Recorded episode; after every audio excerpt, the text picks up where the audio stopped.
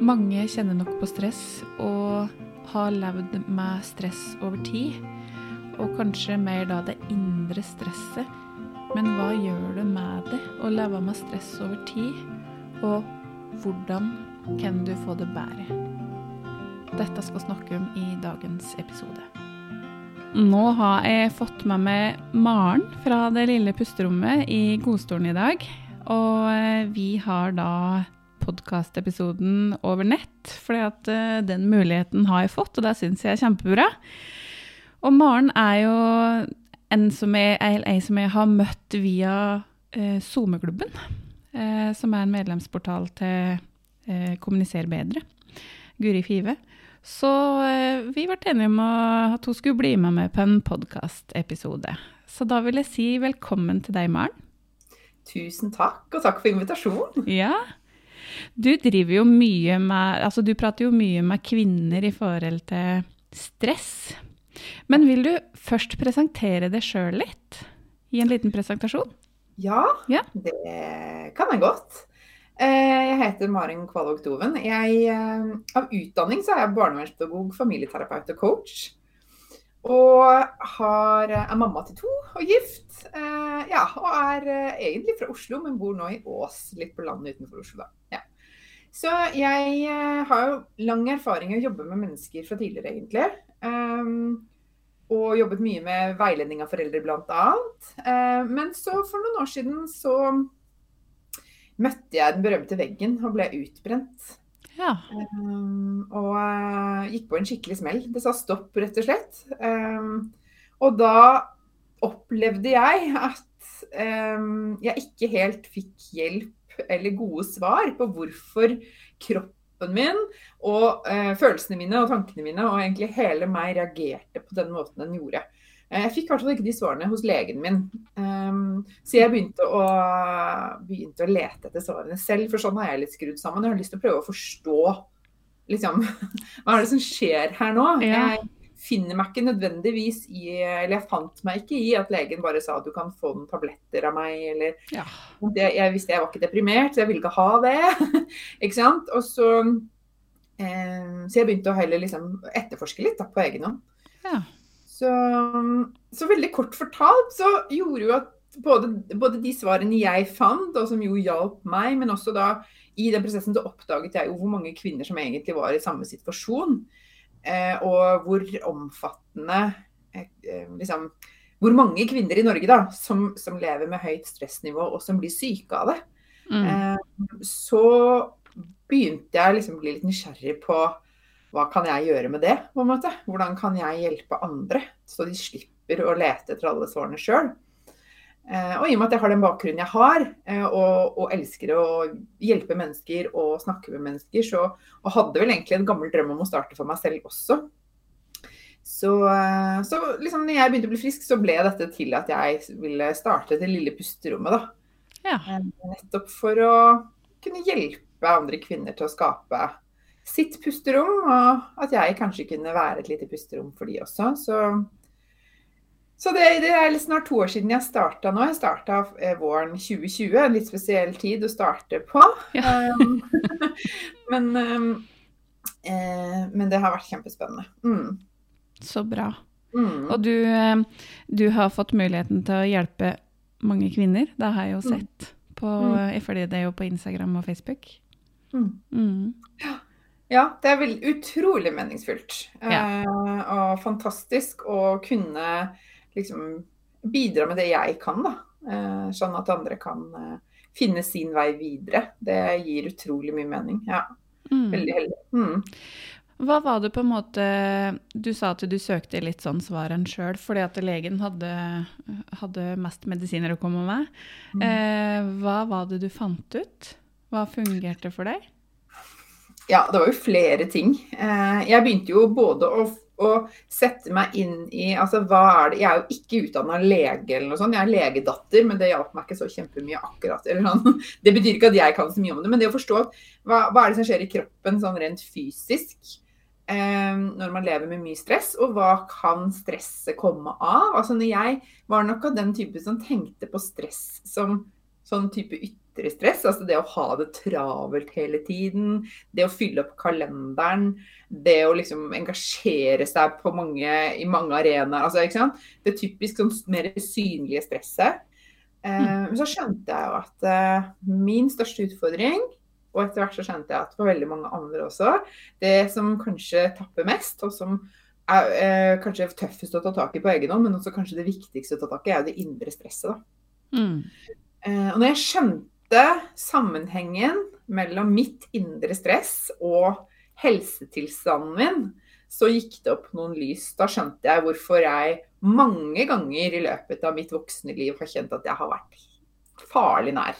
Ja. Eh, når jeg ser tilbake på det. Altså, jeg har jo, er jo, har jo opplevd å vært sykemeldt noen ganger opp igjennom, også før jeg fikk barn. Men at det har vært sånn et par uker bare hentet seg litt inn og så tilbake igjen. Men det å skjønne liksom hvordan det indre livet mitt påvirket eh, stressnivå, det var en stor vekker for meg. Og, og også skjønne eh, hvordan stresset skapte symptomer i kroppen. Jeg hadde massevis av symptomer. Um, det, ja. Så det var veldig deilig å få liksom, de der brikkene til å falle litt på plass. da. Ja, og det er jo mange som beskriver dette med at uh, altså de får de der små sykemeldinger, litt sånn små knekker opp gjennom livet. Og kroppen prøver jo å si ifra at du, nå må du stresse litt ned her, eller nå må du roe litt ned, nå må du lytte litt til kroppen. Og så bare Nei, altså bare kjøre på. Sykemelding, og så er det på'n igjen igjen. Ja.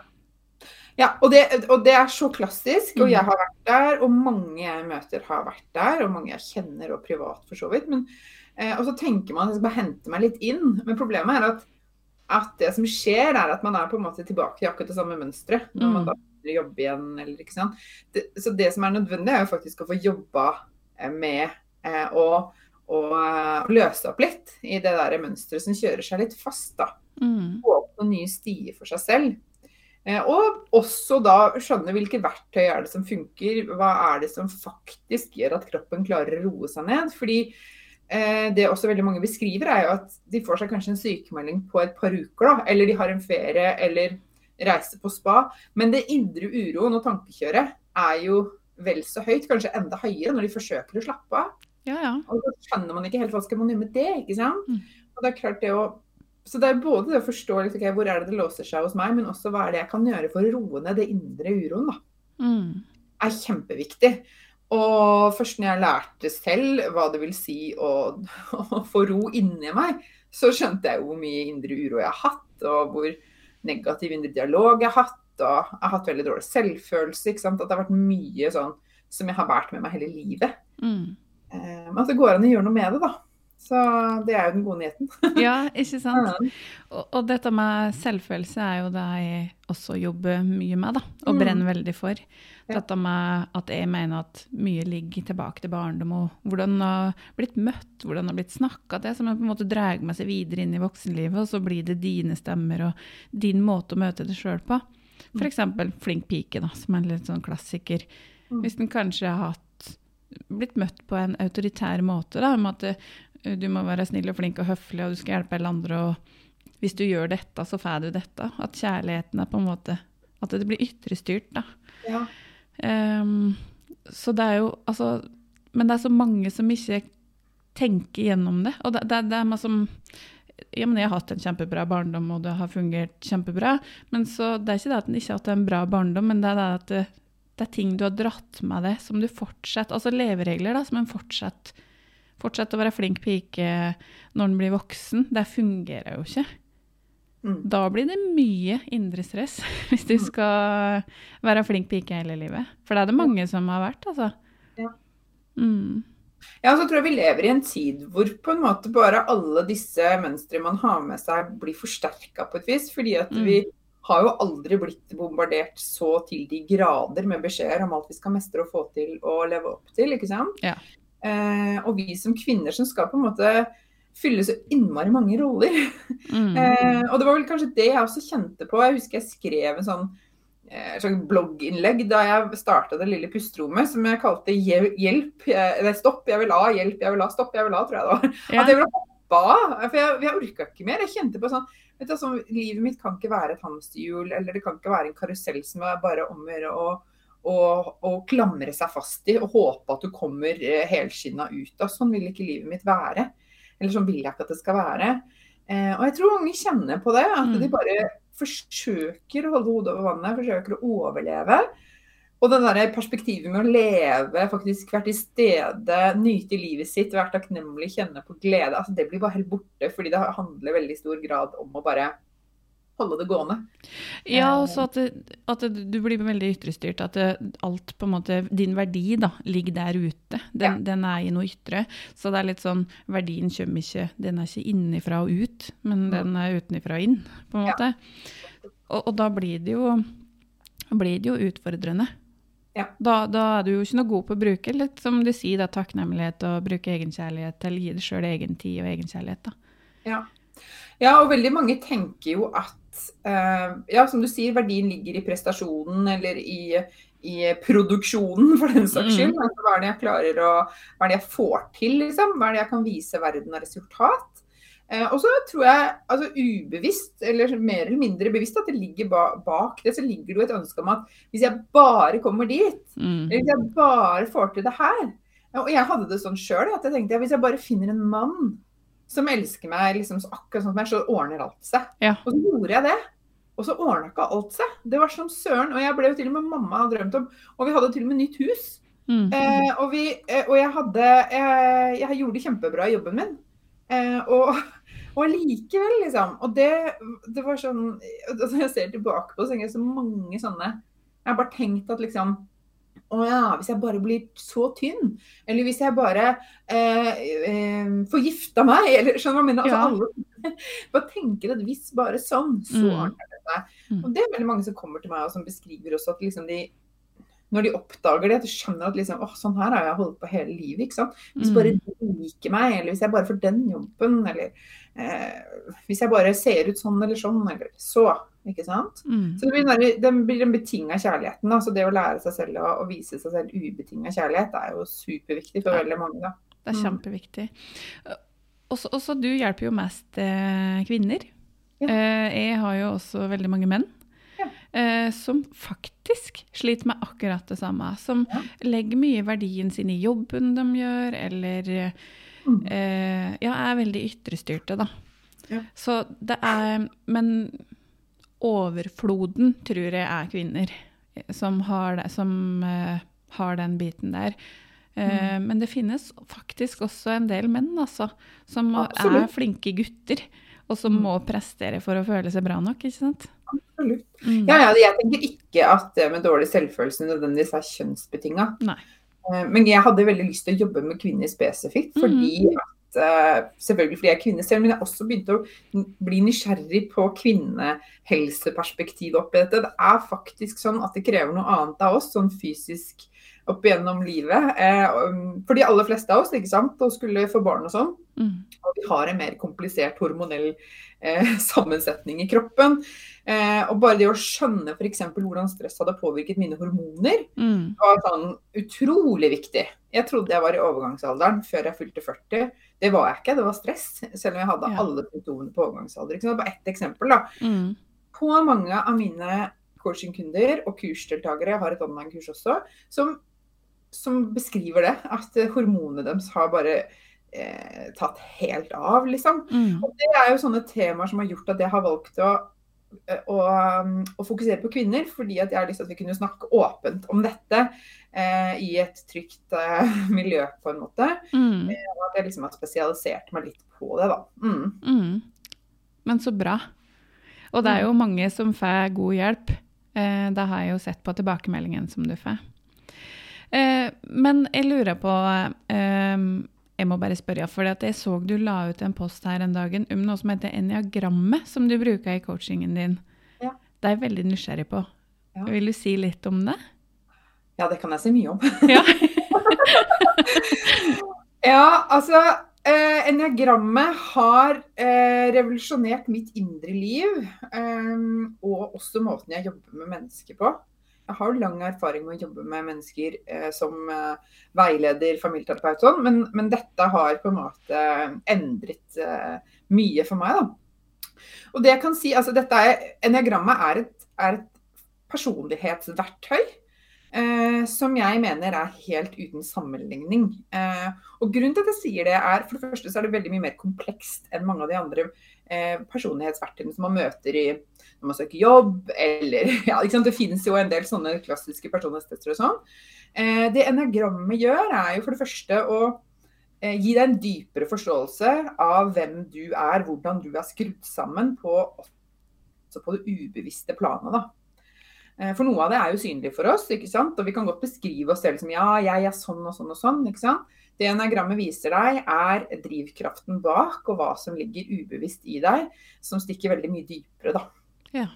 Eh, så det gir deg liksom svarene på hvilket, hvilket filter du eh, har ut mot verden.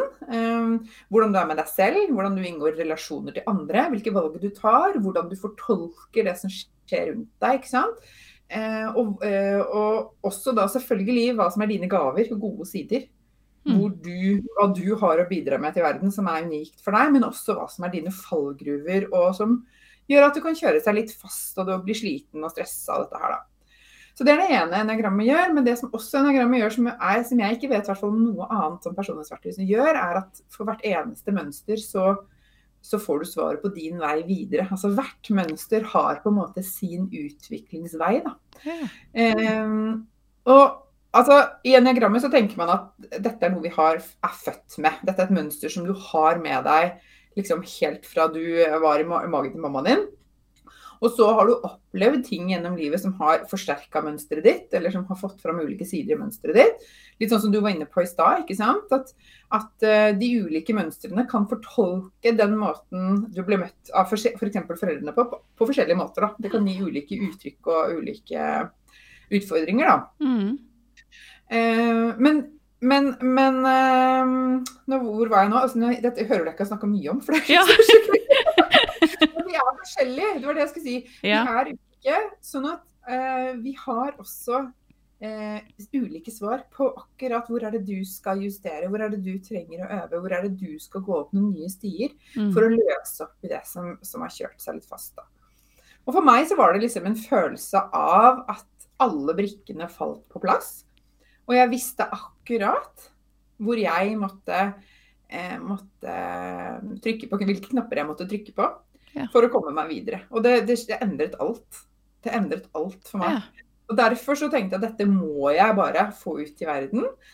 Eh, det er en del som kjenner til det i Norge, men det, eh, men det er på full fart eh, oppover nå. Det kommer stadig nye podkaster. Jeg har vært i en podkast og snakket om min reise med Niagrammet bl.a. Ja. Um, Hva heter den podkasten? Bare litt sånn Eniagramsnakk. Oh, ja. Ja. Der er jeg første episode i sesong to, hvor jeg forteller om min liksom eh, Når jeg knakk koden, da. Når det liksom skifta for meg. Mm. Så jeg ser at, at, det verktøyet både gjør at vi kommer eh, liksom Vi kommer til poenget med en gang. Vi, vi vet med en gang hvor vi skal begynne å fokusere, hva vi skal jobbe med. Og coachingkundene mine beskriver at de får aha-opplevelser som ikke trodde var mulig, og en følelse av um, at brikkene faller på plass, og, og, at de knekker en kode om seg selv. Ja. Um, som er eh, helt fantastisk. Og det er utrolig det er godt å ha et sånt verktøy, fordi det fungerer så godt. Og det gjør også at vi, vi kommer oss Eller sånn, hva skal jeg si? Det blir veldig effektivt, da. Mm, mm. mm. Men er, er, det sånn at du bruker det kun i coaching, eller har du det også som et kurs eller noe sånt? Ja, Det er et veldig bra spørsmål. fordi at, eh, For jeg bruker det eh, i coaching, altså én til én. Eh, men det kommer et online-kurs nå ja. våren. Så vi har akkurat spilt inn ferdig et grunnkurs i Eniagrammet. Jeg og Nina, som har den, den eh, podkasten jeg snakket om i stad, mm. som var min veileder da jeg var utbrent og sykemeldt. Altså, det å få den hjelpen for meg, det gjorde at jeg ble, eh, ble frisk. Og raskere frisk. Jeg er sikker på at jeg hadde vært sykemeldt mye, mye, mye, mye lenger. Hvis ikke ja. det hadde vært for det. Ikke sant. Eh, så vi har laget et kurs sammen som kommer nå i løpet av våren, forhåpentligvis. Hvis alt går etter planen. Eh, så det er kjempespennende. Og det fins jo masse bøker, og det fins jo kurs, og det fins jo all verdens. Men jeg, jeg, kjenner ikke noen andre som har laget online-kurs om det før. Nei. Så det blir veldig gøy. Ja. Så det blir et grunnkurs hvor man får en litt sånn innføring i, i, uh, i eniagrammet, da. Mm. Ja, for, for, sånn er, eh, for, du hadde delt eh, tror jeg, tre forskjellige. Er det på en måte personlighetstyper, da, eller? Ja, altså jeg, stemmer det at nå, nå, er jeg inne i en sånn serie på, i sosiale medier hvor jeg deler de forskjellige mønstrene. Det finnes, nei, det ikke det. Det finnes ni mønstre. Ja. Hovedmønstre. Av, av, alle mønstrene har tre undertyper, så det finnes egentlig 27. Oi. Men det er ni hovedmønstre. Så dette er ganske komplekst. Ja. um, men det gjør også at det treffer innmari godt. Mm. Fordi det får fram alle nyansene. Um, ja, som gjør at, at liksom, når du har funnet ditt, ditt, mønster, så er det på en måte spot on, ikke sant. Um, så ja, dette handler jo om personligheten din, og egentlig det vi kaller for essensen. Altså det som er enda, stikker enda dypere enn personligheten din, og det som er liksom det ubevisste i deg også. Ja. Eh, for det er jo der vi liksom finner eh, Når vi kan få taket på det ubevisste, så kan vi også begynne å jobbe med å um, å løse opp i det og bli det mer bevisst da, og forstå litt mer hva som skjer. Og da kan man begynne å justere, da. Det høres ut som det er litt sånn eh, For jeg jobber mye med kjerneantagelser og leveregler. At eh, det er noe i samme duren, på en måte. da. At mm. eh, oss har med oss noen kjerneantagelser fra barndom. Eh, som gjør at du lager leveregler og kompenserende strategier for å fungere i hverdagen, for å fungere i livet, for å klare det. ikke sant? Flink ja. pike, alltid si ja. Um, og sånne ting. Så det høres litt sånn at det der blir på en måte mer den der dypere liggende, da. Som ja. i eniagrammet. Ja. Mm. ja. Ja, det er utrolig spennende, altså. Det ja. syns jeg virkelig. Ja, det er veldig, veldig gøy å jobbe sånn. Jeg ser at det, det treffer veldig godt. Mm. Så ja, så det er veldig så jeg er veldig glad for at jeg har det verktøyet. Mm. Så bra. Det høres ut som et veldig bra verktøy. Ja. Mm. Um, jeg lurer på i forhold til eh, Du prata i starten litt sånn om ytre og indre stress. Vil du si litt sånn eh, For det er mange som, mange som tror at stress er travelt. Eh, og kalenderen full, og som du sa, da. Mm. Men hva tenker altså, Vil du si litt om forskjellen på, på det ytre og det indre stresset? Eller si litt mer om det indre stresset, da, for det er jo der folk kjenner på. Ja, for jeg tror nok at du kan ha det ganske travelt på utsiden, men ha ro inni deg. Mm. Og vice versa. Du kan ha det ganske rolig rundt deg, men fryktelig stressende på innsiden. ikke sant? Um, det indre stresset kan jo handle om flere ting. Og apropos eniagrammet, så får vi jo taket på på en måte hva det handler om der også. For noen så kan det jo handle om dårlig selvfølelse. Følelsen av at jeg ikke er god nok. og Det må man eh, forsøke å eh, kompensere for eh, ved f.eks. å søke andres bekreftelse. Eller ved å prestere godt, eller ikke sant. Altså noe, som du sa, ytrestyrt, da. Mm. For andre, så, som, vi, sånn som vi tenker det enneagrammet, hvert fall, er styrt av frykt. Altså frykten for hva andre tenker om meg. Frykten for, ikke, frykten for egne følelser, eller altså andre ting som på en måte Man, man finner seg strategier for hvordan man skal liksom klare å leve med den frykten som for, for mange er liksom ubevisst, men når man får satt bord på det, så kjenner de seg veldig igjen. Alt som kommer gærent her i livet. eller? Man kjenner på angst og uro og alt sånn, bekymrer seg mye. eller sånn. Eh, mens for andre igjen så kan det handle om en veldig sånn, sånn streng indre kritiker. Uh, at man stiller høye krav til seg selv, er perfeksjonist uh, eller har et veldig behov for kontroll. Eller kjenner seg fort trua av andre. Eller, altså? Det er ulike temaer som dukker opp. da. Men, mm men alt dette her er jo eksempler på at liksom, hvis, hvis, man ikke er i balanse og ikke er klar over hva det er som skjer, og ikke klarer å på en måte hjelpe seg ut av det på en konstruktiv måte, så kan det ta litt overhånd. da. Mm. Eh, så sånn som for meg, f.eks., som, som hadde veldig dårlig selvfølelse. Jeg var på utsiden. Jeg er veldig eh, det folk vil si Ville tenke at jeg var veldig trygg på meg selv. Jeg har alltid vært veldig utadvendt. Jeg har alltid stått foran forsamlinger. Jeg har vært, vært i toastmaster i ja, ti bryllup, altså jeg vet ikke. Jeg har alltid vært sånn som har tatt initiativet til organisert, stått i bresjen for ting. Jeg har alltid vært trygg i skolesammenheng, jobbsammenheng, ja, du skjønner hva jeg mener. Mm. Men på innsiden så var det aldri bra nok. Jeg var ikke god nok. Og, og, og, den derre eh, evige jakten etter andres anerkjennelse og bekreftelse sleit meg fullstendig ut. For jeg pleier å si det at hvis det er selvfølelsen da, som er problemet, eh, og selvfølelsen din ser for deg en bøtte mm. som er lekk i bånn, mm. Eh, og hvor du, er, hvor du, er, avhengig av påfyll utenfra for å fylle opp bøtta. Nå sitter jeg her og gestikulerer for dere som ikke ser det. men, men, problemet er at du kan få så mye påfyll du bare vil, men det lekker i andre enden. ikke sant? Mm. Bøtta blir aldri full. Eh, og det skaper masse sånn jag og indre uro og stress. Og det gjør at ikke du kan bare sette deg ned og, og, slappe av. Eller du kan ikke bare tro på at du er god nok sånn som du er. For du må ha Det er, det er nesten sånn dop utenfra, ikke sant. Mm. Um, og det er jo Det gjør det veldig vanskelig å bare å roe ned, rett og slett. Og det over tid gjør jo at kroppen blir veldig um, urolig, og det skaper sant, stresshormoner og alt mulig sånn. Uh, og, og, og, at kroppen må lære seg å, å, roe seg ned, men også at jeg, da, eller andre som har dette mønsteret, må lære seg å rett og slett bli glad i seg selv igjen. Og, og, og tro på at man er god nok akkurat sånn som man er. Da. Mm. Og da kan liksom stressnivået også dempes. Mm. Det er et eksempel, da. Ikke sant? Ja, ikke sant. Mm. Og er jo kanskje bli bedre til å lytte litt mer innover og dekke dine egne behov, da. Ha på din egen oksygenmaske først. ja. Og det er Mm. veldig sånn, klassisk for det mønsteret som jeg har i eniagrammet. og Det er jo nettopp det at jeg ikke hadde lov til å ha egne behov. Nei. Eh, og, og, det er det mange som kan kjenne seg igjen i, som har det samme mønsteret som meg. At man rett og slett ikke var Jeg var ikke i kontakt med det overhodet. Hadde ikke peiling på hva jeg trengte for å ha det bra. Jeg kunne ikke svare på det i det hele tatt.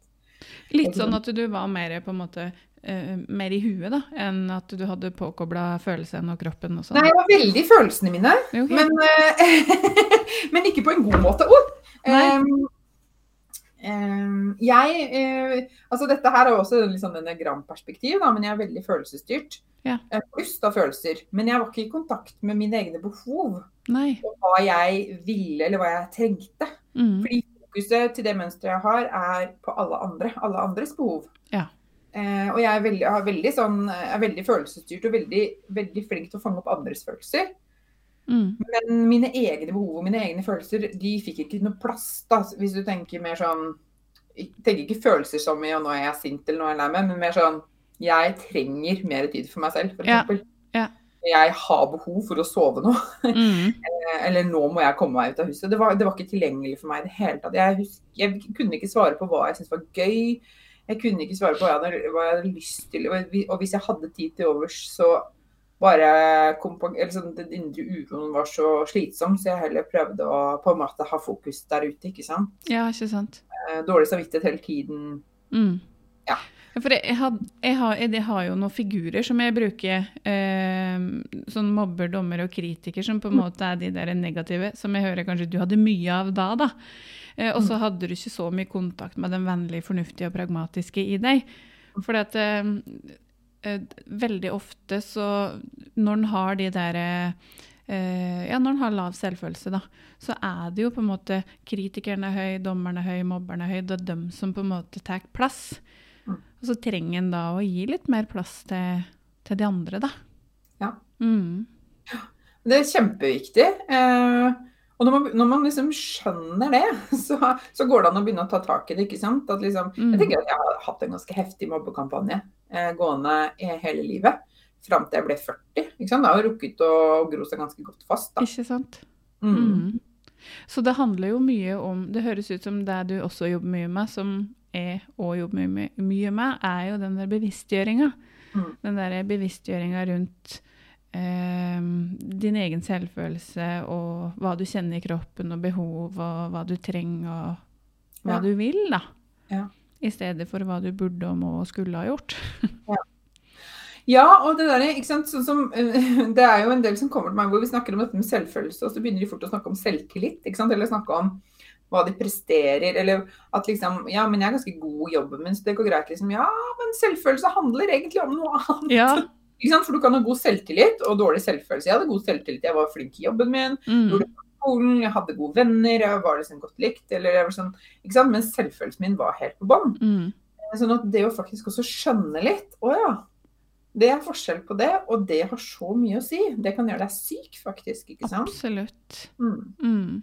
Så, så ja, det, det der bevisstgjøringa, også den derre Når man blir det bevisst, og også blir bevisst på liksom de der små justeringene man kan gjøre for faktisk endre det, Mm. da er det jo Det er jo krutt og kanoner, altså. Utrolig hva man kan få til, liksom. Når man, Mm. når man den koden, da.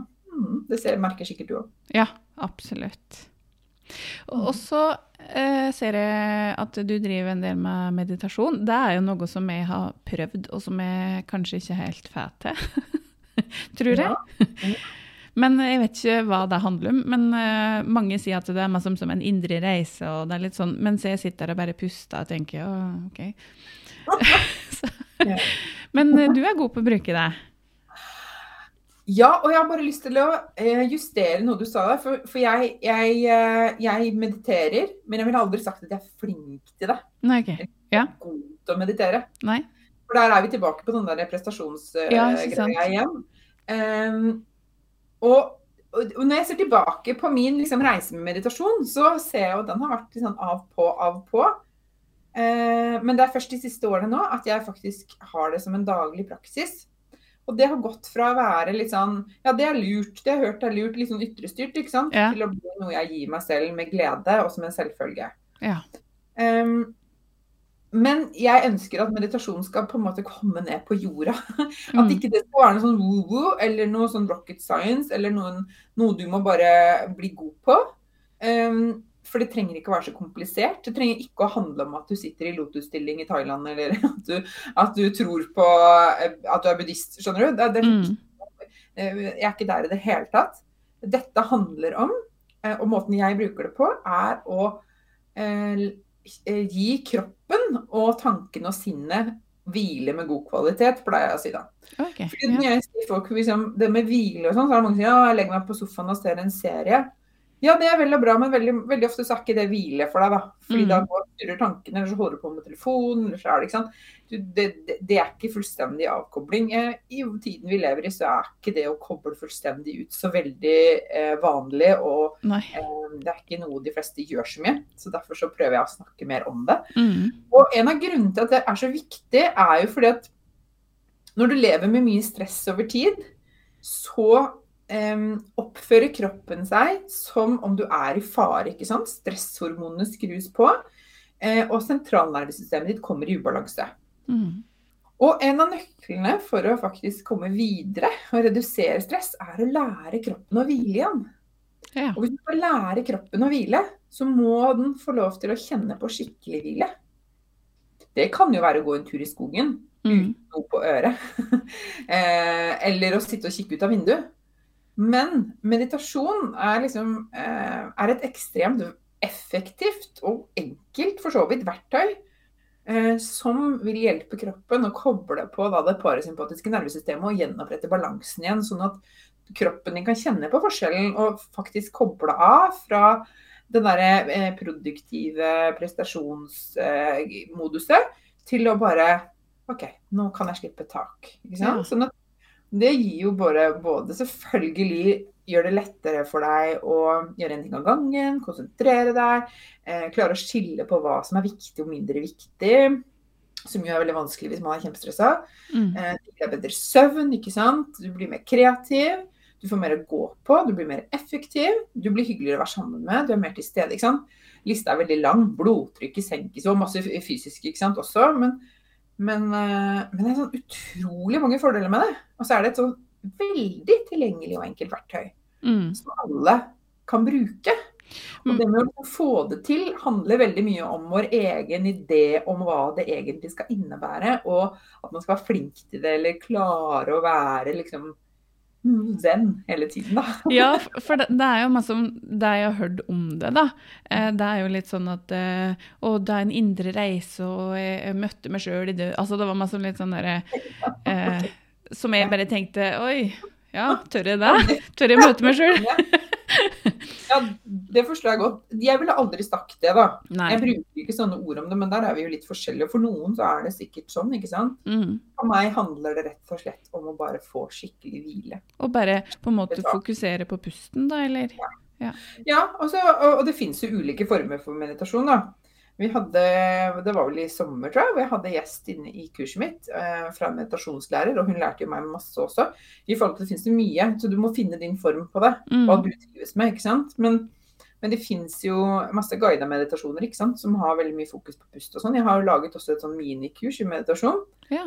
em, hvor jeg har spilt inn tre lydfiler. Og hvor jeg på en måte viser deg hvor enkelt du kan gjøre det. Ja. Eh, og hva som skal til, og hva slags fokus du kan ha nettopp for å, for å gi det til deg selv. Da, for å gjennomføre det. For når du, når du kommer, og dette ser jeg veldig ofte hos coachingkundene mine, de, de får uh, bli minna på det, for å si det sånn, hvor viktig det er. Da, igjen og igjen og igjen. Jeg gir meg ikke. Og de som gjør det, og som prioriterer det, og som på en måte gjør det over tid, uansett hvor bra de klarer det i gåseøynene, Mm.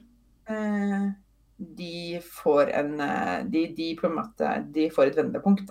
Ja. Og når man kommer dit og kjenner at liksom dette vil jeg bare ha, jeg vil ha mer av det. Altså du Mm. vet den følelsen hvor du bare åh, dette er bare så digg. ikke sant? Altså om det er å bade i spadet eller om det er Ja. å drikke et glass vin. Den der følelsen av det bare Å, dette bare elsker jeg. Dette Ja. vil jeg bare ha mer av. Dette vil, ikke sant? Um, den, når du får den følelsen, så Mm. blir det like naturlig som å pusse tenna. Uh, Ja. ikke sant? Uh, og, og jeg liksom er jo veldig sånn forkjemper for og ønsker å fremsnakke eh, verdien av hvile. Da. Vi trenger mer hvile. Vi har for mye som går som, eh, som eh, For mye stimuli og for mye som skjer og for høyt tempo hele tiden. Vi er ikke laget for å tåle det. Det Mm. er ikke rart vi blir syke av det. Vi Nei, må- det er jo ikke det. Mm. Og jeg har jo ei, eh, ei som har gått i terapi som meg, men som også har blitt ei god venninne. Eh, som er veldig god på dette med å sette seg ned og komme tilbake i kroppen. eh, puste, lytte til det hun eh, trenger, har behov for. da. Ja. Eh, så hun driver og gjør meg veldig bevisst på det, enda det er jeg som på en måte Dette der er rart, altså, for jeg er veldig god på å hjelpe andre. Ikke så god på å hjelpe meg sjøl. Er ikke det forstående? Det har vært meg òg, gitt. Ja, ikke sant? Eh, og- men, men det som jo altså, som jeg, jeg, altså, Dette er veldig viktig. Dette er min definisjon av stress. Er at du har fokuset ditt et annet sted enn der du er her og nå. Ja. Du tenker på det som skjedde i går eller for ti år siden eller i barndommen, eller sånn, eller du tenker på hva er neste postprogram, og hva må jeg huske i morgen. Alt jeg må forberede meg på jobben, bla, bla, bla. bla? Jo mer du klarer å være her og nå, jo mindre stress blir det. Mm. Det er egentlig så enkelt som det, veldig ofte. Mm. Og det er nettopp da eh, liksom, eh, meditasjon er sant, så utrolig nyttig. For det er jo nettopp det meditasjon gjør. ikke sant? Hvor, Ja. ikke sant? Skal du kjenne etter. Hvor er det jeg sitter nå? Okay, nå er jeg nå. Og det bruker jeg selv som et sånn mantra. Nå. Å si det til meg selv hvis jeg kjenner at nå er jeg på vei av gårde her et eller annet sted. Mm. ikke sant? For det skjer med meg òg. Jeg lever jo ikke et liv i komplett harmoni. det å faktisk legge merke til at å ja, men nå er hodet mitt på neste post på, programmet. Ja. Det er ikke bra for meg. Det vet jeg at jeg trenger, og liksom, det skal jeg helst ikke gjøre så mye av. Da OK, nå er jeg her. Nå Mm. sitter jeg her, nå kjenner jeg her, nå puster jeg. Ikke sant? Og, og for oss som er mammaer, ikke sant? Den der, barna catcher det jo så kjapt hvis vi er et annet sted mentalt. Ja, de gjør jo det. Ja, ja. I hvert fall hun minste seksåringen min. Hun er ekstrem på å speile med på litt sånn at vi ikke er til stede her og nå. For at det er jo altså bare det å gå en tur, og jeg er jo da på jobb, ikke sant, mens jeg går turen, mens hun er til stede i den steinen eller den blåveisen eller ja, akkurat det som er der og da. Ja. Så vi trenger jo litt sånn å lære litt, kanskje, ta de små Ja. eh, Øve på å være fullt og helt til stede med dem. ja. Barna er jo eksperter på det. Ja, de er det. Virkelig. Ja, ja, ja. Helt Mm. klart. Så det er veldig synd det blir liksom borte et eller annet sted på veien da, hos oss voksne. Mm, Så vi har mye å lære av de, altså. Absolutt. Mm. Og apropos selvfølelse og barna som står i speilet naken og bare Wow, se på meg! Ja. er ikke jeg fin, liksom? Ikke sant? Og datteren min som sa her, det var faktisk rundt 18, 8. mars i fjor, hun bare jeg kan bli hva jeg vil! Ikke sant? Jeg bare, ikke sant? Hun sa det til meg i dag morges. Jeg kan bli hva jeg vil, jeg, mamma. Ja, det kan du, jenta mi. Ja. Helt fantastisk, ikke sant? Ikke sant? Fire år. Klart det. Herlig. Er helt, eh, ja. Jeg hadde en opplevelse med hun minste som meg, som eh, hun um, datt i barnehagen, og så slo haka si, så fikk jeg skikkelig sånn der eh, tegneseriehake. Mm. Og så tok jeg bilde av henne, og så så hun på det, og så sa hun Åh, jeg blir så lei meg, for jeg elsker meg selv så høyt. Og jeg bare Å, så bra at du elsker deg sjøl. Så til å ta vare på det, ikke sant? Ja. Du aldri miste det, da. Ja, det. For det er jo der på en måte som kanskje tidligere generasjoner Altså det er det vi ikke har lært, da. Å være vår egen bestevenn og, og behandle oss sjøl som våre egne bestevenner. Ja. For er det noen du skal tilbringe livet ditt med for evig og alltid, så er det jo deg. Ja, det er noe med det, vet du. Og så det, og det tenker jeg, det er jo en annen motivasjon. Jeg har jo jobba med barn ikke sant? og har bakgrunn i liksom alltid vært veldig opptatt av barn og sånn. Og, og, er det noe som virkelig liksom styrker motivasjonen min, så er det å hjelpe vår generasjon med mammaer til å, eh, til å ta vare på seg selv, bli glad i seg selv, sånn at neste generasjon som vokser opp, kan bryte den der, den ja. der syklusen der, altså. Virkelig. Fordi der er det utrolig potensial. Mm. For det, det, er jo sånn at uh, måten jeg møter meg sjøl på, det speiler jo hun minste, eller ungen mine, speiler jo det, ikke sant? Absolutt. Da ser de at å ja, mamma møter seg sånn, da skal sikkert det møte meg sånn. Så jeg har blitt mer bevisst på ja, et lite eksempel på sønnen min på 13. da, Satt og spilte, og så sa jeg da at vet du, mamma har så vondt i hodet og nakken, så nå tar jeg ikke og går med en tur, for det vet jeg veldig bra for meg. Bare det å gå bort og si det ved henne, eh, gjør jo at hen skjønner at ja, mamma tar vare på seg sjøl, og da lærer jo dem av det, da. Men det er i det siste, da. Jeg har ikke vært flink til det før, men jeg har blitt bedre nå. ja, og det er kjempe... Jeg tenker at det er en enorm verdi for dem, ikke sant. Mm. Jeg hadde en sånn opplevelse hvor det gikk opp for meg at det jeg formidla til dem, eh, ikke samsvarte med måten jeg var med meg selv på.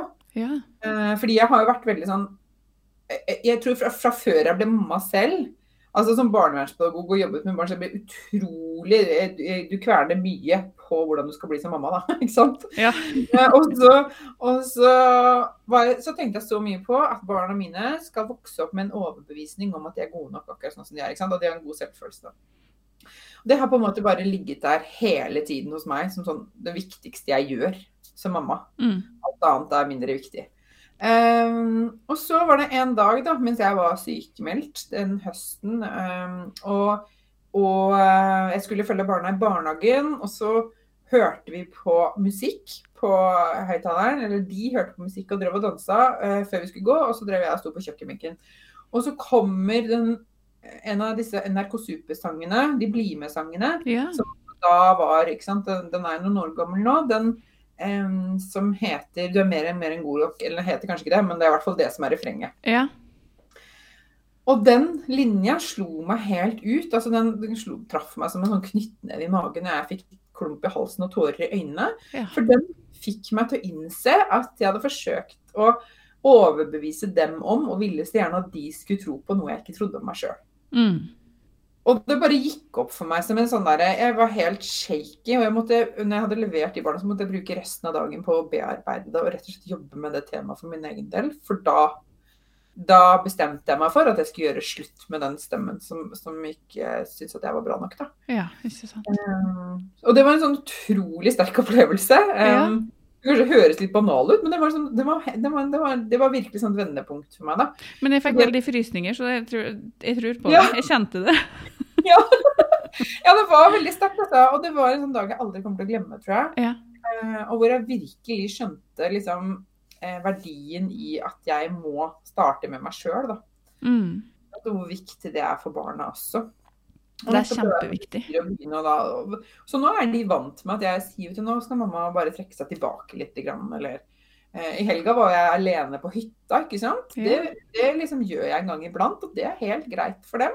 Selvfølgelig er det greit for dem, det går veldig fint. De har en pappa, de er ikke alene hjemme. Nei, ikke sant. Eh, men at de liksom, ikke sant? det er noe mamma gjør en gang iblant. Mm. Eh, for rett og slett bare få seg litt tid for seg selv. Mm. Eh, det går, det går, helt fint. Og jeg bare tenker at det, det er sånne ting som de skal Jeg ønsker også at de skal kunne gjøre som voksne. Da. Og hvis vi vil at våre egne barn skal få det godt med seg selv som voksne, så må vi også starte med oss sjøl. Mm. mm. Absolutt. Det er kjempeviktig. Og det er mange som har mye å lære der, tror jeg. Ja, og, og det er det er, for noen er det lettere sagt enn gjort. ikke sant? Mm. Og mange trenger hjelp til dette her. Men jeg ser det jo igjen og igjen at, at uh, de som gjør det, de, uh, de, de, angrer ikke på det, for å si det sånn. De, de ser jo at det går fint, ikke mm. Um, eh, om liksom det, hva det handler om for deg, men altså å få taket på liksom, hva det er som skal til da, for å komme dit, ikke sant, kan være utrolig viktig. da. Mm. Mm, absolutt. Ja. Eh, jeg lurer på en ting i forhold til hvor er det på en måte folk kan finne deg? De som eh, hører på podkasten og lurer på hvor er det jeg finner Maren hen? ja, da trenger du ikke å lete så lenge, skjønner du. ja, nei, altså Det kommer litt an på hvor du er, men eh, jeg har en nettside som heter detlillepusterommet.no. Eh, jeg heter Det lille pusterommet på Facebook og Det lille pusterommet på Instagram. Så det er ganske enkelt, egentlig. Mm. Ja. Så det er bare å følge i vei og ta kontakt om det er noe du lurer på. Altså. Så mm. jeg. Mm. Og så vet jeg at du tilbyr 30 eh, minutter gratis første eh, time, ja. gjør du ikke det? Gjør jeg. Ja. ja. Helt uforpliktende. Ta en prat hvis man er nysgjerrig på om det er noe jeg kan hjelpe deg med videre. Da, hvor mm. vi blir litt kjent og finner ut om om det er riktig for deg. Mm. Mm. Så det er du selvfølgelig hjertelig velkommen til. Så da, hvis du har lyst til å sjekke ut det, så kan du gå til lillepusterommet.no skråstrek bestill. Har du også mer om eniagrammet der, eller? På, inne på nettsida mi så er det en egen side om eniagrammet. Ja. Så det, når du kommer inn på nettsida der og scroller litt ned, så står det om eniagrammet. Så klikker du der, og så kan du gå inn og lese litt om de forskjellige mønstrene. og ja. Ja. Så er nysgjerrig på det. Jeg er nysgjerrig i hvert fall, så da skal jeg inn og lese litt. Men eh, hvis andre er det òg, så tenker jeg at eh, de kan sikkert også bare sende en melding hvis de har noen spørsmål de lurer på. Absolutt. Så kan det hende at folk sender melding til meg, så kan jeg videreformidle det. Ja. Hjertelig velkommen. Mm -hmm. Ja, men så bra. Det var kjempekoselig å prate med deg og få høre litt om uh, både din historie og dine tanker rundt det med stress og, og verktøy rundt å få det bedre med seg sjøl, da. Tusen takk for at jeg fikk komme. Det var veldig hyggelig, Karina. Ja, så bra. Mhm. Så skal vi ikke se bort ifra at det kanskje blir flere podkaster hvis det dukker opp noen spørsmål som jeg tenker at hm, det lurer jeg på om jeg skal ta med Maren. jeg kommer gjerne tilbake. Ja, så hyggelig. ja. Men da får du ha en veldig fin dag videre, og så snakkes vi. Ja, ha det. Ha det.